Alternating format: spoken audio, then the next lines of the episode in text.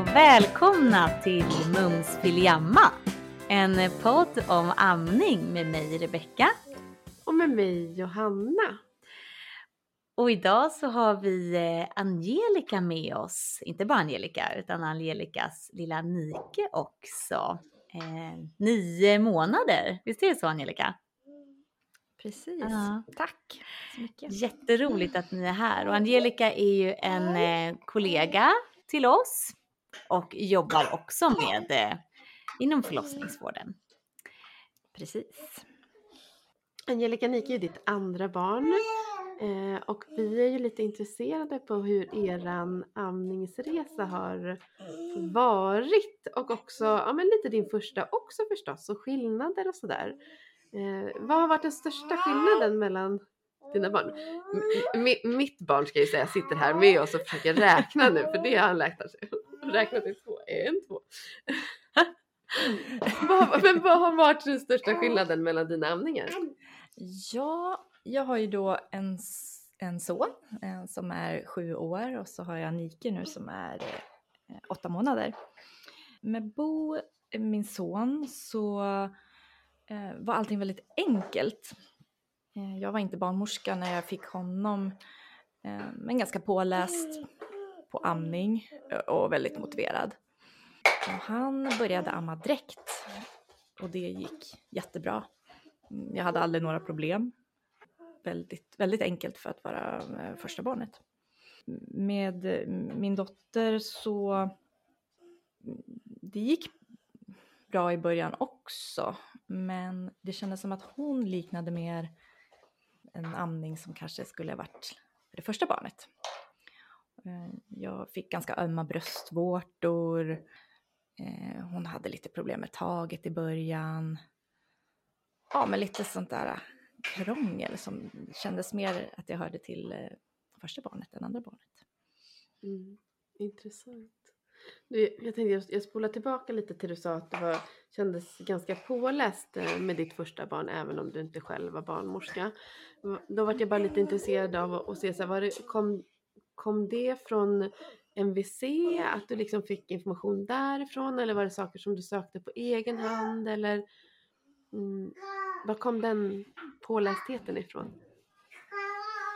Jag sökte nog information själv tror jag. Ja. Minns inte riktigt eh, vad jag fick för information från BVC. Men jag läste själv mycket om eh, kängurumetoden och samsovning och alla fördelar med, med att amma. Mm. Ja, vilket gjorde att jag var väldigt motiverad och inte såg... Ja, men det var det alternativet som jag kände som kändes rätt för Mm. mig just då. Mm. Vilket också gjorde att jag, jag kände mig väldigt glad att det gick så bra. Mm. Hade du några mm, tidigare erfarenheter av amning? Jag, jag tänker på någon familjemedlem eller vänner och så som du hade eh, haft i din närhet som hade ammat. Inte i familjen som jag kan minnas. Däremot så har jag nog haft en del vänner som också har ammat. Eh, och som jag kanske har blivit inspirerad av, tror jag. Em, jag själv ammades, eller min mamma ammade.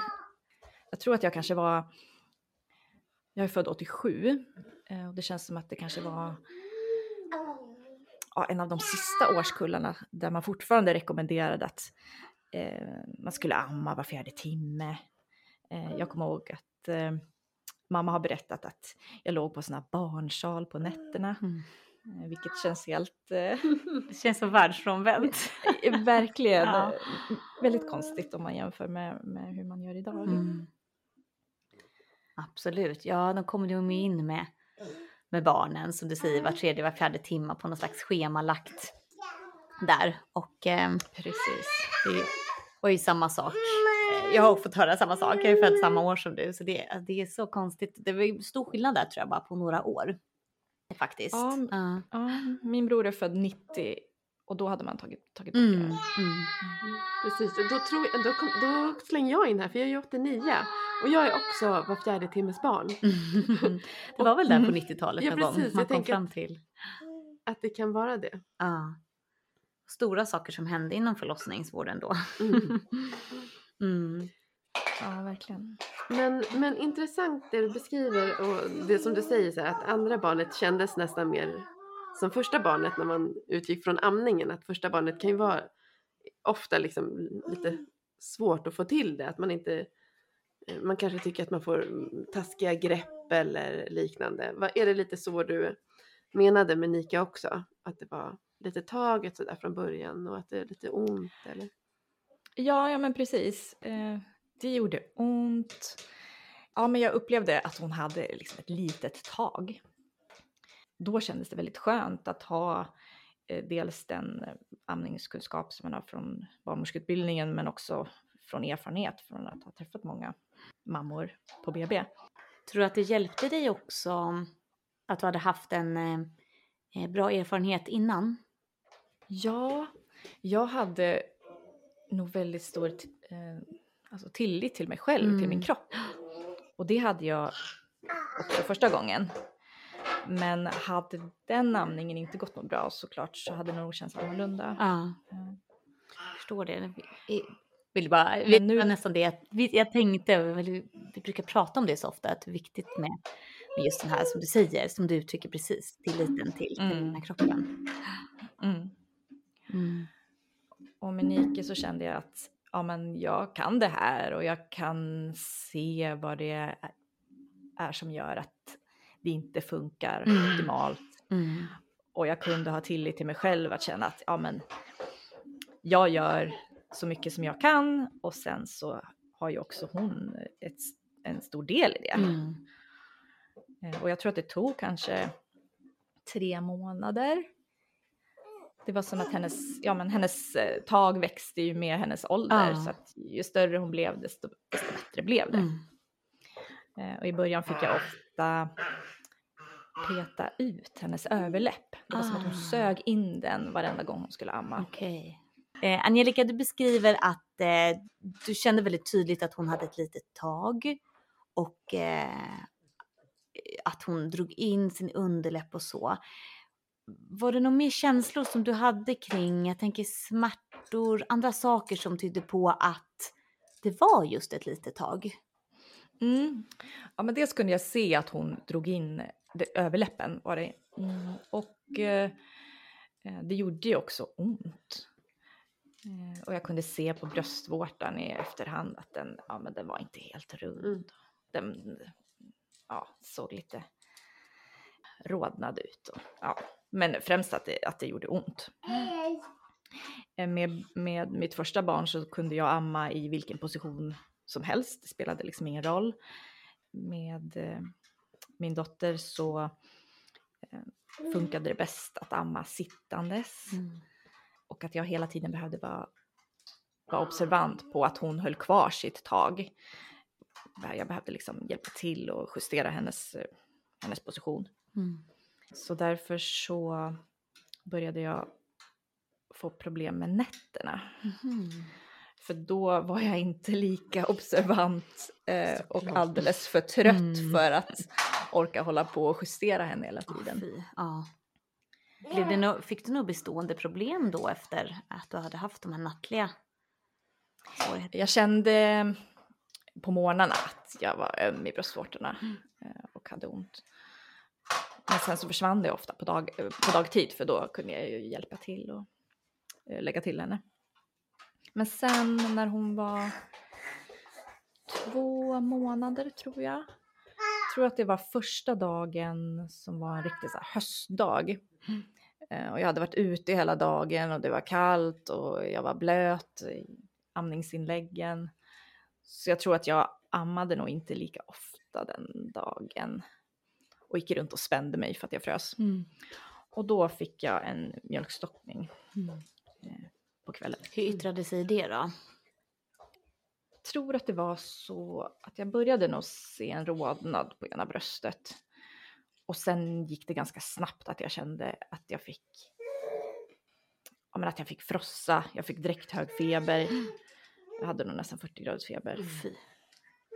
Också att jag blev väldigt förvånad över hur snabbt det gick. Hur länge höll det i sig, febern och ditt mående, den sjukdomskänslan?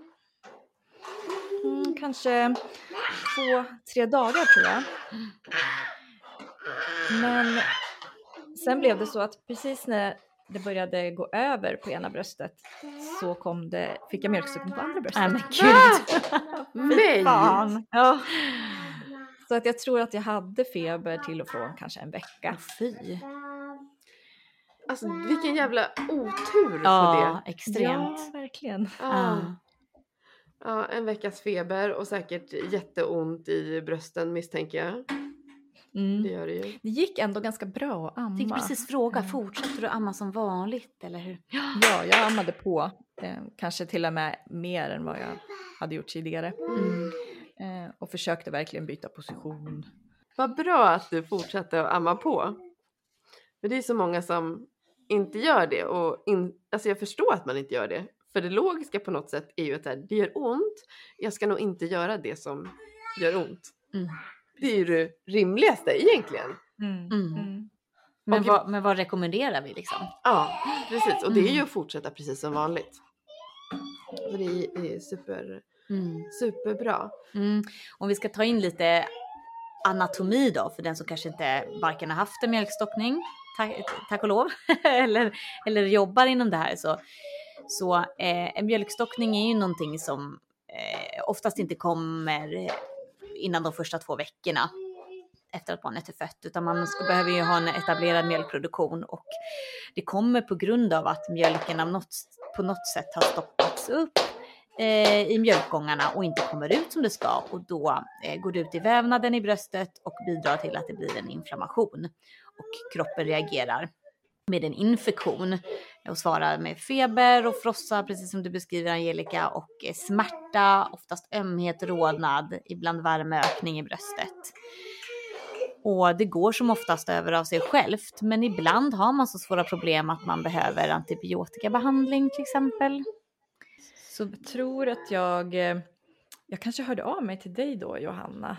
Mm, var det första Eh. gången där som du gjorde det kanske? Ja, Mm. jag tror det. Jag tänkte, jag tänkte nog att, ja men även fast man kanske jobbar inom, ja, nu har väl inte vi hand om eh, mjölkstockningar så ofta på, på BB. Men eftersom det höll på så pass länge så var jag ändå lite osäker. Ja men borde jag kanske söka vård? Mm. Eh, och sen eh, är man ju ofta kanske inte, eller i alla fall inte jag, så bra på att söka vård för personal för att jag tycker att ja men det här kan jag nog lösa själv. Classic. Mm. Vårdpersonal. Ja. Precis. Jag tyckte att det var så bra att, eh, att du gjorde det av en, den anledningen att alltså du är barnmorska men man måste faktiskt fråga om, om råd i alla fall. Och speciellt när man mår sådär himla pissigt. Alltså jag fattar och jag vet faktiskt den gången när du hörde av dig till mig så frågade jag Rebecka också. Jag bara men visst liksom, visst kan hon fortsätta stanna hemma liksom och avvakta. Och då sa ju du också såhär ja men det kan hon göra. Men man måste ju vara ammerska om jag ska säga så. Det är ju du i första hand. Eh, så även om du har jättemycket kunskap så är det helt rätt att tänka så tycker jag. Man kan ju inte. Man måste ju få vara eh, en vanlig person också med problem. Mm. Mm, verkligen. Mm. Ja, jo, så absolut. Men och är det, visst är det så Angelica att det här är inte dina enda mjölkstockningar? Du har haft ytterligare någon gång eller sådär? Precis, jag tror att jag haft två eller tre gånger till. Ja. Första gången, ja men jag började ju direkt att felsöka vad det kunde bero på. Mm. Eh, ja, och min slutsats var väl att eh, första gången att det var hennes tag eh, som gjorde att, eh, att hon hade ett så litet tag. Att det var därför som jag fick mjölkstockningen. Kanske i kombination med att ja, men just den dagen så ammade jag lite mer sällan. Jag gick runt och spände mig. Ja, vilket kanske kunde ha påverkat utdrivningen. Eh, Men sen fick jag ju då mjölkstockning, ja, kanske två gånger till. Nu måste jag bara amma lite. Mm. Mm. Ta en amningspaus. Mm. Är det någon eh, Eh. podd man ska amningspausa i så är det väl den här kan man tycka. Precis. Ehm, Men alltså visst, visst är inte det en ökad risk att man har haft en mjölkstockning. Inte är det en ökad risk för att få en mjölkstockning till. Men om man har upprepade mjölkstockningar så är det ökad risk för att fortsätta. Eller hur är det? Jag vet inte om det finns någon evidens för upprepade mjölk... Alltså just att få det igen. Jag vet att det är som med bröstbölder, vet jag. Mm. Men jag tänker att det går ju, måste ju gå lite hand i hand. Precis som du Mm. säger Angelica, det beror ju på något. Ehm, det finns ju alltid en orsak till att man får en mjölkstockning. Att det är för lite tag, att det är, precis som du säger, att det är någonting med utdrivningen som stoppas upp. Att det kan vara psykiskt, men att det också kan vara fysiskt, att man har någonting som klämmer åt. Det finns många olika orsaker till mjölkstockningar. Så att det som du beskriver, att du började felsöka, det låter ju väldigt klokt av dig. För det är ju det man får göra. Och det är ju det man gör, tänker jag också, på namningsmottagning om man har eh, de som kommer in med återkommande problem. Mm. Men inga mjölkstockningar med första barnet. Men då, då hade du inte heller den här Nej, smärtan och precis. lilla taget. Så att det kanske eh, är det som har varit den här gången då. Mm. Ja. Men också så intressant att ja, men så här, barn och hur olika barn är. Jag tror att föräldrar ofta lägger på sig själv mer än vad man behöver. Alltså att man tänker sig att det är ens eget fel att det blir på X sätt. Att man glömmer bort den lilla detaljen att man har helt olika barn. Mm. Att, att din kompis barn är på X sätt och ditt barn är på ett sätt. Alltså, det, det Mm. är bara så. Och, och era amningar kommer också vara olika. Mm. Och det märks ju jättetydligt på att man just har två, två barn som är väldigt, väldigt olika varandra. Mm. Exakt. För det beskrev ju du lite innan vi började spela in också, att de i personligheten var väldigt olika. Hur Bo liksom hade tyckt om att bäras mycket och Nika inte alls på samma sätt. Mm. Uppskattat det. Mm.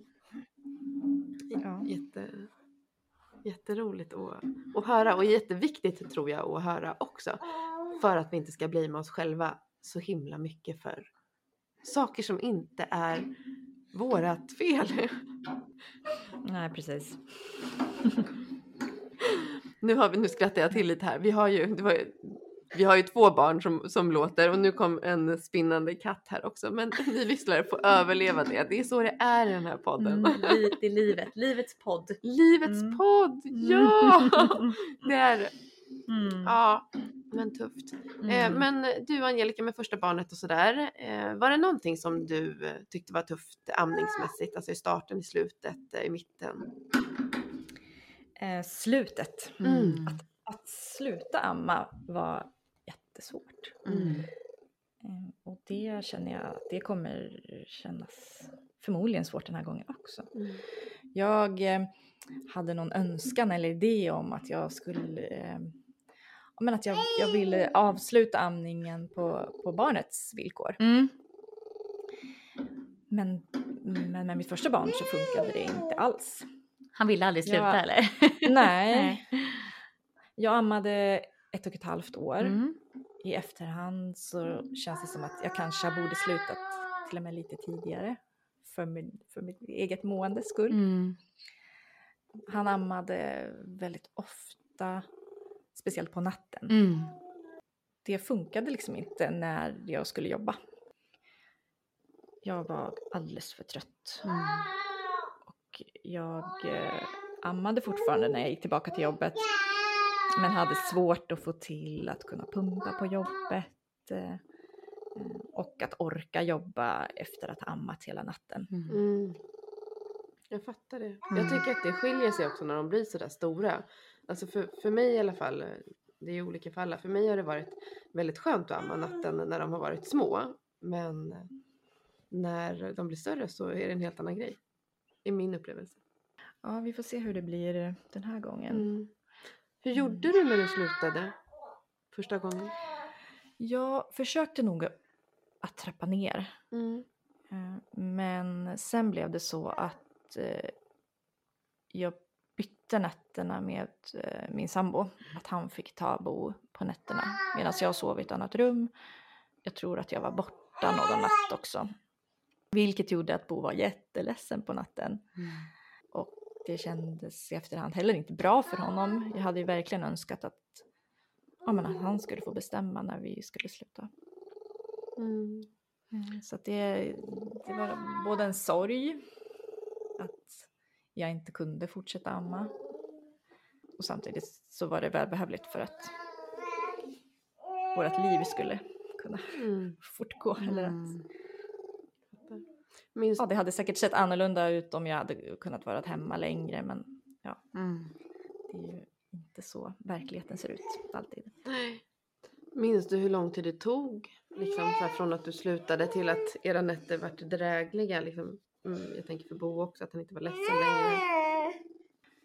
Jag tror att det inte tog så många nätter ändå. Han förstod ändå ganska snabbt att, eh, ja, att han inte skulle få amma. Men eh, ja, det gjorde ändå så ont i mig. Jag fattar De det. nätter som han var ledsen. Mm. Förstår det. Och där också lätt att tänka att man är en liksom, dålig förälder för att Mm. man bestämmer X eller så vidare. Men du gjorde ju helt rätt. Ja. Mm. Man måste få vara viktig. Man är viktig. Det Ja. går liksom inte att helt åsidosätta sig själv. Alltså när man får barn, givetvis blir prioriteringar annorlunda. Men man är alltid viktig. Mm. Mm. En glad mamma är en bra mamma, Mm. tänker jag. Eller förälder generellt. Verkligen. Så är det ju. Ja, och jag tror att det var liksom inte riktigt så på slutet utan jag var riktigt grinig och Mm. arg. Mm. Och det blev ju heller inte bra. Mm. Hur tänk... Och också den här känslan av att jag inte fick bestämma över min egen kropp. Mm. Den var så stark. Mm. Mm. Eh, Och det, det liksom satte sina spår ganska lång tid efteråt också. Mm. Jag kände att jag inte vill att någon tar på mig och absolut inte mina bröst. Okej. Mm. B- Vad vad bra. Vad, vad modigt att du berättar det. Mm. Jag tror säkert att det finns eh, många som känner igen sig i den känslan. Mm. Ja, det är ju något speciellt att dela med sig av någonting som egentligen, ja men att man, man är ju van att verkligen få bestämma Mm. när någon ska ta på en. Mm. Eller den här känslan av att alltid vara tillgänglig för någon annan. Ja men den blev så stark på slutet, eller det blev så jobbigt på slutet att, att det skulle behöva vara så. Mm. Mm. Och samtidigt där kan man ju också känna att ja, men så här, man vill bestämma sin egen kropp. Man kanske liksom vill bestämma lite när amningar ska vara. Säga nej till vissa amningar när man får den här starka känslan av att, inte, att man inte vill dela med sig av sin kropp. Eh, och att det kanske sällan är så att barnet bara rycker på axlarna ifall det har uttryckt att det vill amma. Precis. Mm. Mm. Det kommer, kommer känslor och den vägen också. Och då kommer det andra känslor i en själv liksom. Eh, Alltså dels såhär, jag vill inte, jag vill verkligen inte att den känslan kan förstärkas. Men också är lätt att det kommer känslor av att man får dåligt samvete och skuldkänslor. Ja, sådana där känslor är alltid så konstiga ihop. Att det är två, två olika sidor i, i samma kropp liksom. Mm. Olika typer av känslor. Eller kanske till och med flera. Känner du Angelica efter att du har varit med om de här äh, tuffa mjölkstockningarna och så. Tror du, eller- liksom tycker du att det har eh, givit dig en större förståelse för, för liksom kvinnor som har amningsproblematik och så? Eh, Ja men det tror jag absolut att det har. Sen tycker jag att eh, just mjölkstockningarna har nog inte påverkat eh, min amning som den ser ut idag. Det är inte så att jag har känt att jag skulle vilja avsluta tidigare på grund av mjölkstockningarna. Mm. Och det kanske har varit för att, jag vet inte, jag kanske inte gjort tillräckligt ont. Eh, Jag har ju kunnat amma på även fast jag haft en mjölkstockning och det har, ja, det har funkat. Men däremot så tror jag att det är nätterna, att, att inte få sova, som kommer göra att jag, ja men det är där gränsen kommer gå, eller man ska säga. Mm. Hur, lä- hur länge kommer jag orka vara vaken på nätterna? Mm. Men Just nu ammar jag kanske en gång i timmen. Oj, Natten. ja. Och som mest har jag fått sova tre timmar i sträck Mm. eh, sen start. Det är inte så kaxigt. Nej, och jag misstänker att det, inte, det händer inte stup i kvarten att det blir de där tre timmarna. Nej, i början så var det faktiskt så. Det var ju helt underbart. Men nu är det verkligen inte så. Men har du... Sen så samsover vi, vilket underlättar ju något otroligt. Eh, vissa amningar kommer jag ju inte ens ihåg. Eh, för att hon ligger så nära och hon kan hon ammar och sen somnar vi om. Mm. Mm. Funkar det bättre nu med andra positioner och så då? Mm, Mm. Det gör det. Mm. Eh, Jag tror kanske efter fjärde, femte månaden så funkade det att amma i, amma i vilken position som helst. Ja, skönt. Så nu ligger jag på sidan oftast och ammar. Ja, Men det blir ju väldigt grötigt i huvudet när man inte får sova. ja. Ehm, Såklart, det blir som störd nattsömn många, många Ja. gånger. Mm, det vet man ju hur det är liksom. Det påverkar ju jättemycket. jag hoppas ju att det, det är liksom en, en utvecklingsfas som hon går igenom just nu. Mm. Eh, Så att det kommer bli ja, lite färre gånger än en, en gång i timmen Mm. eh, på natten framöver. Jag håller tummarna för det. Men jag funderar på Angelica, har du, du beskriver att det är nätterna främst som är tuffa liksom just nu. Har du funderat på att sluta amma på natten men försöka hålla i dagamningen? Ja, det har jag. Mm, Men eh, just nu så känns det som att ja, hon är inte redo Nej. och jag kan orka lite till. Mm. Precis, man måste orka ta fighten också. Alltså jag menar Ja, när man det ska sluta. det. Mm. Mm, Om det är så att man känner att det kommer bli en fight vill säga. Mm. precis. Så olika. Förra gången så sov ju jag borta för att kunna sluta med nattamningen helt. Och det kändes väldigt... Ja, det, det är väl såklart så man, man måste göra ibland. Men jag hoppas att det ska gå enklare den här gången. Eller att jag kanske kommer göra på ett annat sätt. Jag ska försöka att glesa ut Mm. istället för att bara ta bort allting över en natt. Mm. Eh, Vi får Jag hoppas att att det blir lite annorlunda eftersom hon är Mm. annorlunda. Ja. Mm. Jag vet att Bo var vaken nästan hela natten, den där natten som jag sov borta. Mm. Mm. Då när jag skulle sluta amma eh, på natten förra gången. Jag tyckte att det var så svårt också för att så här, min upplevelse är så från BVC, man vill ju inte gärna att de ska vara hungriga på natten ifall man bestämmer sig för att sluta. Och så bara, "Ha, men behöver de äta eller inte? Och- det jag får till mig alla gånger jag har frågat i alla fall så här, nej men liksom efter en viss ålder, men typ där efter sex månader, så här, nej men de behöver inte äta på natten. Så har jag tyckt att det var så, så här, ja men behöver inte äta, men det betyder ju inte att de inte är hungriga på natten. Mm. Och det kan vi inte fråga dem om. Så här. Är, du, är du hungrig? Ska mamma ge? För annars kan man ju tänka sig att man kan ge men, välling och sådär ifall barnen är så Mm. stora att man kan, kan ge det. Eller såklart man kan ge ersättning, Mm. formula. Mm. Nej, man får verkligen suga på själv vad man vill och, och så vidare. Och sen så är, tänker jag att det, facit har man aldrig förrän i efterhand. Nej, så är det ju. Mer eller mindre. Mm. Mm. om ens då. Ja, men eh, spännande att höra att, att du hade en typisk första amning med andra amningen. Ja. Eh, Och också att du i alla fall idag känner att eh, nej, här, det, det kändes bra att fortsätta amma och det, du inte upplever att de mjölkstockningarna har påverkat dig. Har du någon speciell tanke kring om man säger så här motivationsmässigt trots att du hade problem? Har du någonting som du vet att du kan gå tillbaka till? Ja, men det här motiverade mig ändå till att fortsätta. Nej men jag tänker ju alltså på alla fördelar amningen har. Det är, ja men det motiverar mig jättemycket. Mm. Ja, av den anledningen så tänker jag att det är därför jag, jag vill fortsätta och, Mm. och ska orka lite till. Lite Mm. till. Mm.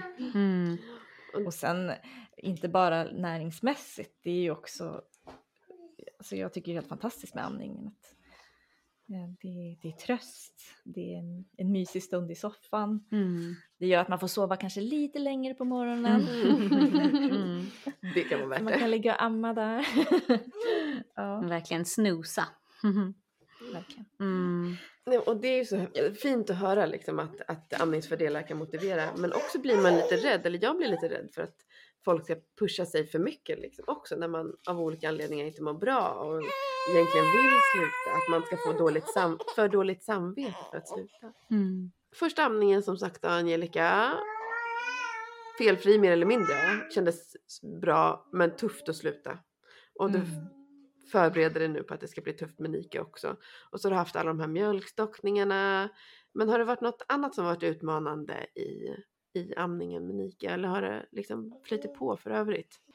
Ja, jag tänker i sammanband med mjölkstockningarna och också ja, men, alltså, att det varit lite orsak till att det har blivit stopp är ju att jag har haft sådana här mjölkblåsor. Mm. Eh, eller kanske sådana här white spots. Det har varit lite svårt att avgöra skillnaden. Men det har ju varit som en liten vit eh, prick på, på bröstvårtan eh, som har stoppat upp mjölkflödet. Så jag har fått stå i duschen, eh, spolat varmt vatten, smörjt med olja, gnuggat med handduk Mm. och sen också stått och petat med en nål för att Mm. få upp de här eh, mjölkgångarna. Ry- Får Mm. rysningar. Mm, det har inte varit Nej. så behagligt. Har du lyckats då? Få bort dem? Eh, ja, jag har lyckats öppna upp i alla fall. Mm. Sen har det inte varit så tydligt att jag gått och pillat bort någon liten mjölkklump eller så. Men jag har lyckats öppna gångarna Mm. och tömma bröstet. Mm. Skönt. Och då har det varit någon gång där det har varit riktigt så här seg och Ah. klumpig mjölk som har, Ah. som har kommit. Ah, gud vad spännande att se. Det har jag liksom aldrig riktigt sett faktiskt. Ja. För de här white spotsen, alltså när man väl lyckas pilla bort dem tycker jag, då brukar de ju vara stenhårda. Mm. Alltså typ som kristalliserad mjölk brukar jag tänka. Mm, mm. Mm. Och så riktigt har det inte varit. Nej. Utan det har mer, mer känts som en tilltäppt mjölkgång med, som en mjölkblåsa. Ja. Mm. Mm. Har, du, eh, har du gjort någonting för att förebygga fler sådana här då? Jag har testat att eh, äta såna här lecitinkapslar. Mm. Och och vad, vad- är det? För det är nytt för mig. Ja, men lecitinkapslar är väl ett kosttillskott Precis. som ju typ är utvunnet av sojabönor eller något sånt där tror jag. Det är liksom helt eh, veganskt och naturligt och allting sånt eh, som påverkar själva rinnigheten eller vad ska man säga, viskositeten av mjölken. Jag tror Mm. faktiskt det finns evidens för det här. Jag, det här med lecitinkapslar finns som ett, ett råd kring återkommande sån här mjölkblåsor och eh, plug ducts och allt vad det heter. eh, I den här, eh, vi har ju, det finns ju en vårdhandbok kring eh, amningskomplikationer som ja, den finns på nätet att komma åt men som vi använder inom vården och då finns det faktiskt med som ett, ett råd eh, kring att förebygga. Mm. Jag tror då att det finns evidens för det. Tycker, tror du att det har hjälpt dig då? Att äta de här? Svårt att säga. Ja. Jag fick bort det i alla fall. Mm. Eh, Och jag minns inte hur länge jag å- eh, åt de här kapslarna. Men jag tror att jag följde rekommendationer från den här vårdanboken. Mm. Eh, Och sen så har jag också läst ja, men via Baby Baby och, och Sagogrynet. Det är ju verkligen bra tips alltså. Ja, gud ja. Vi brukar tipsa om mycket, mycket av det, men det... Jo, men eh, i både, jag tror att det kanske är Sagogrynet, Mm. Linn Dahlén som har, eh, i hennes bok så står det ju väldigt bra om, om mjölkstockning. Mm. Eh, eh, tips på just lecitin. Mm. Kul. Är det den här Amning i nöd och lustboken? Ja, Mm. precis. Mm. Den är ju guld att ha. Det tycker jag med. Jag har också den hemma faktiskt. Mm. Det var bra tips. Det finns några bra amningsböcker faktiskt. Verkligen. Och om man vill ha mer tips på amningsböcker så kan ni gå in på amningshjälpen.se. Där finns det en hel del bra boktips. Mm. Angelica, skulle du vilja, vi brukar fråga, vi har inte varje gång frågat, men vi har frågat många gästerna så här, om det är någonting de vill skicka med, de som lyssnar. Så här, typ, Tänk på det här eller det här skulle jag råda till. Eller så. Är det någonting speciellt som du känner att det här vill jag verkligen få ut? Typ?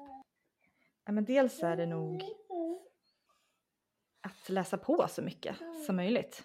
Och sen att våga fråga om hjälp. Mm. Bra tips. Inga frågor är, är konstiga. Mm. Ja men jättetack Angelica för att du var med och delade med dig. Och så kul att träffa din lilla också. Mm. Tack för att jag fick vara med. väldigt tålamod. eh, Jag, in, eh, liksom, eh, jag beundrar er båda tålamodet med de här små knattarna som kryper och springer runt och ammar eh, om Mm. vartannat. Jag har ju bara en katt i knät, det var inte så jobbigt. ja, jättemysigt. Ja, men tack alla ni som har lyssnat. Eh, häng med oss igen nästa vecka. Ha det så fint fram tills dess. Hejdå.